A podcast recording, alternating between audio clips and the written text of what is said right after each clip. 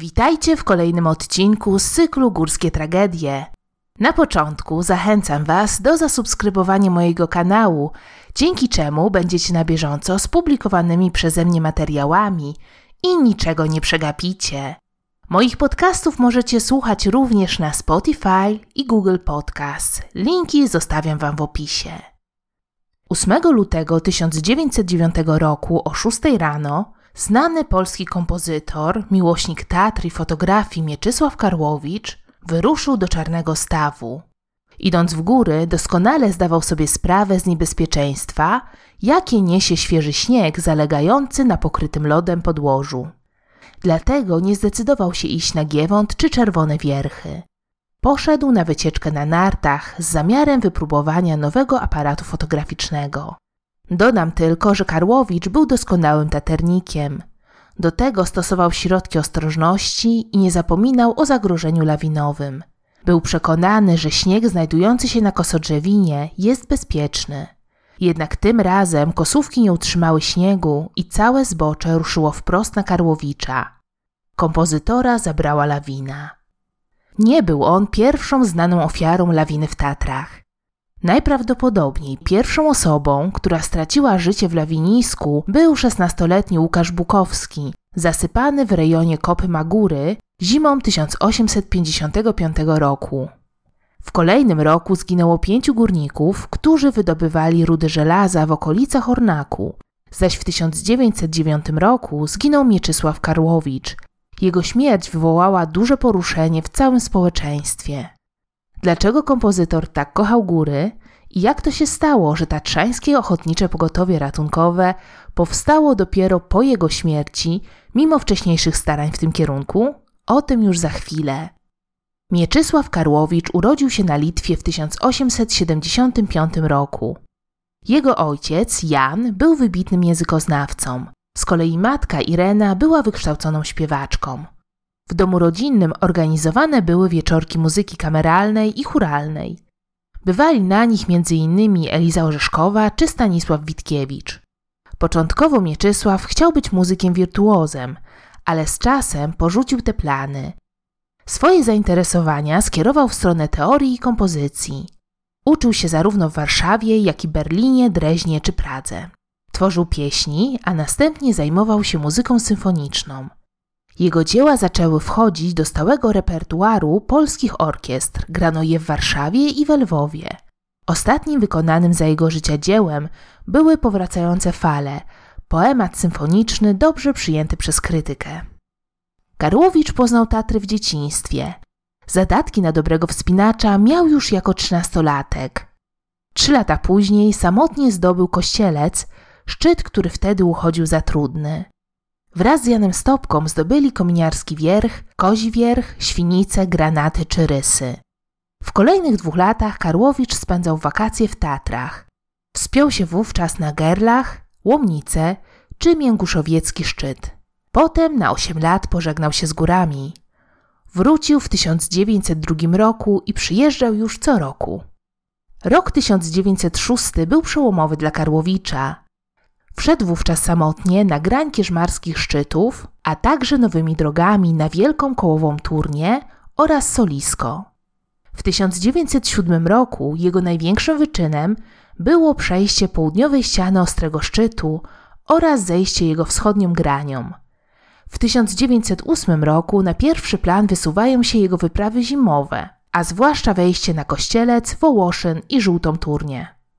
Na uwagę zasługuje przede wszystkim to, że wybierane przez niego drogi były technicznie trudne. Wykaz jego przejść jest obszerny i tworzy on pewną całość. Karłowicz chciał dokładnie poznać Tatry.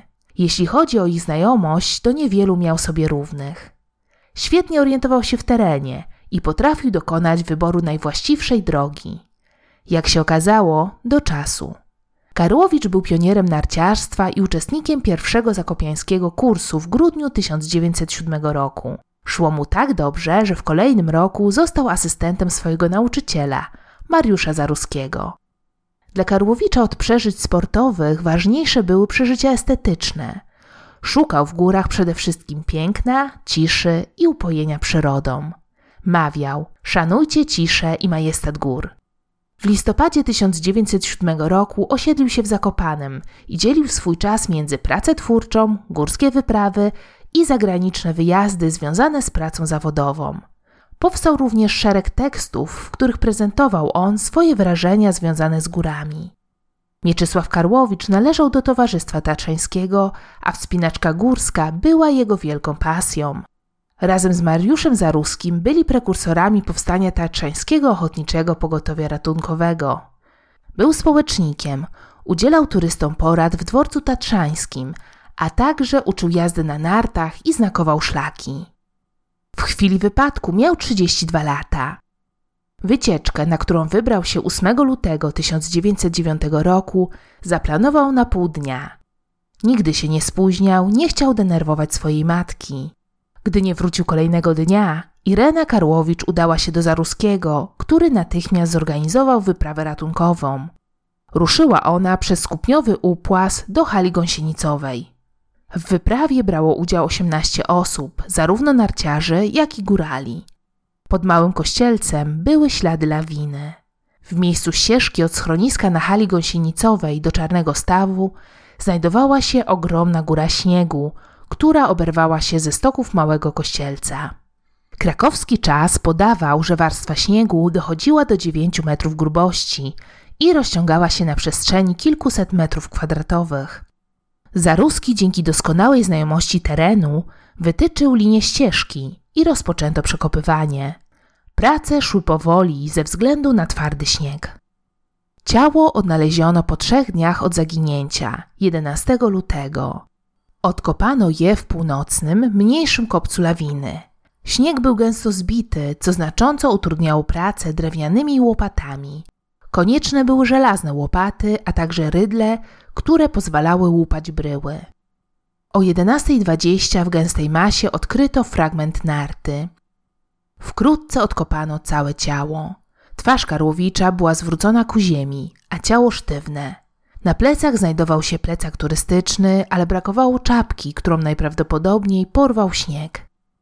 Obrażenia były widoczne jedynie na twarzy. Karłowicz miał spłaszczony i zadarty ku górze nos. Nad jego ciałem znajdował się ponad metr śniegu. Ciało sprowadzono na prowizorycznych sankach. Skonstruowano je z dwóch kawałków drewna i nart, zaś Karłowicza owinięto płachtą. Wyprawa ruszyła w stronę hali gąsienicowej. Od razu po znalezieniu ciała jeden z ratowników udał się do Kuźnic z informacją o dotarciu do Karłowicza. Zaruski zrobił jeszcze odręczny szkic turni i opisał miejsce wypadku. W momencie znalezienia zwłok powstała zadymka, która towarzyszyła ratownikom aż do Kuźnic. Była to pierwsza próba ratowania osoby, która została zasypana przez lawinę. Była ona nieudana, bowiem w przypadku lawin decyduje czas, a ratownicy dotarli do kompozytora za późno. Gdy wyprawa z ciałem Karłowicza przybyła do Kuźnic, w budynku dworskim czekali lekarze, którzy podjęli próbę reanimacji na wyraźne żądanie Władysława Zamojskiego oraz jego ciotki Anny Potockiej. Nic nie pomogło, bo od śmierci minęły trzy doby. Lekarz klimatyczny dr Józef Żychoń urzędowo stwierdził zgon Mieczysława Karłowicza. Następnie ciało zostało przeniesione do domu przy ulicy Sienkiewicza, gdzie czekała matka kompozytora. W Zakopanem tłumy odprowadzały Karłowicza na dworzec.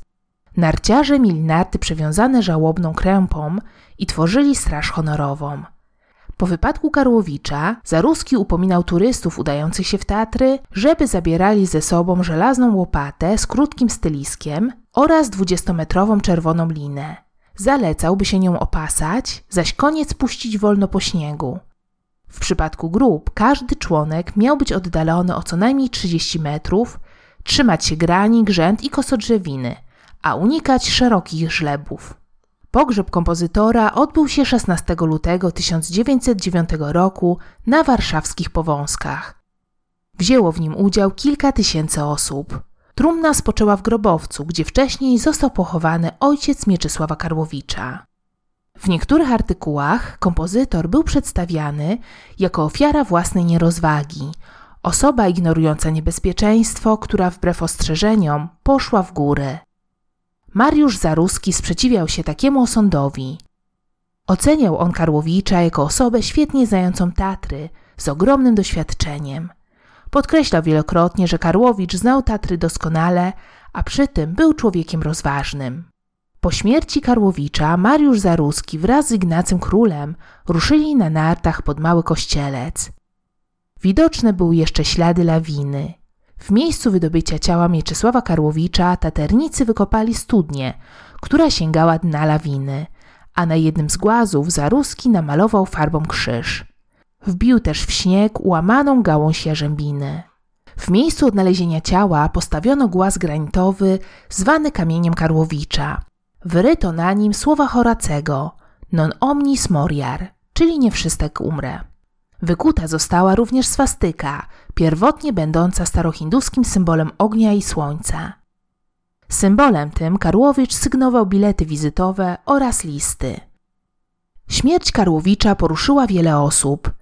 Niektórzy zrozumieli wówczas, jak ważne jest ratownictwo górskie. Potrzebny był sprzęt, a także utrzymanie odpowiednio szkolonych psów. Ukazała się odezwa wzywająca do wpłacania składek na rzecz Tatrzańskiego Pogotowia Ratunkowego. Co znamienne, dzień przed wypadkiem, podczas odwiedzin u Zaruskiego w willi Krywań, Karłowicz dokonywał ostatnich zmian w odezwie. Początki tatrzańskiego ratownictwa to rok 1873. Wtedy to powstało Towarzystwo Tatrzańskie. Trzon Topr stanowili pasterze i kusownicy. Tatry stały się dostępne dla szerszej rzeszy turystów na przełomie XIX i XX wieku. Wraz z ich napływem zwiększyła się liczba śmiertelnych wypadków. Pomysł powstania TOPR Zaruski Karłowicz mieli już wcześniej, jednak władze Galicji nie zatwierdziły odpowiednich dokumentów. Procedury przyspieszyły dopiero po śmierci Karłowicza. Co ważne, kompozytor znalazł się pośmiertnie w gronie członków założycieli TOPR, zaś składkę zapłaciła jego matka. Status TOPR zatwierdziło 29 października 1909 roku Galicyjskie Namiestnictwo w Lwowie. Data ta jest uznawana za początek powstania pogotowia. Pierwszym naczelnikiem został Mariusz Zaruski. W opowieściach osób, które znały Karłowicza, pojawia się obraz człowieka uprzejmego i serdecznego, raczej zdystansowanego. Poza muzyką i felietonami o górach, w zbiorach Centralnej Biblioteki Głównej PTTK w Krakowie zachowały się także trzy albumy liczące 129 zdjęć. Mieczysława Karłowicza zabiła pozorna stałość śniegu na zboczu pod Małym Kościelcem. Jego śmierć sprawiła, że wiele osób zrozumiało, jak ważne jest ratownictwo górskie. To między innymi dzięki jego staraniom powstał TOPR. To wszystko, co przygotowałam dla Was na dzisiaj. Jeśli chcecie, żebym nagrywała inne historie, dajcie łapkę w górę i subskrybujcie mój kanał. Pod filmem zamieszczam Wam źródła, z których innymi korzystałam. Jeśli wiecie coś więcej o tych wydarzeniach, koniecznie piszcie w komentarzach poniżej. Zapraszam Was również na Facebooka weekendówmałopolsce.pl i na Instagram. Linki zostawiam w opisie. Do usłyszenia w kolejnym podcaście z cyklu Górskie Tragedie.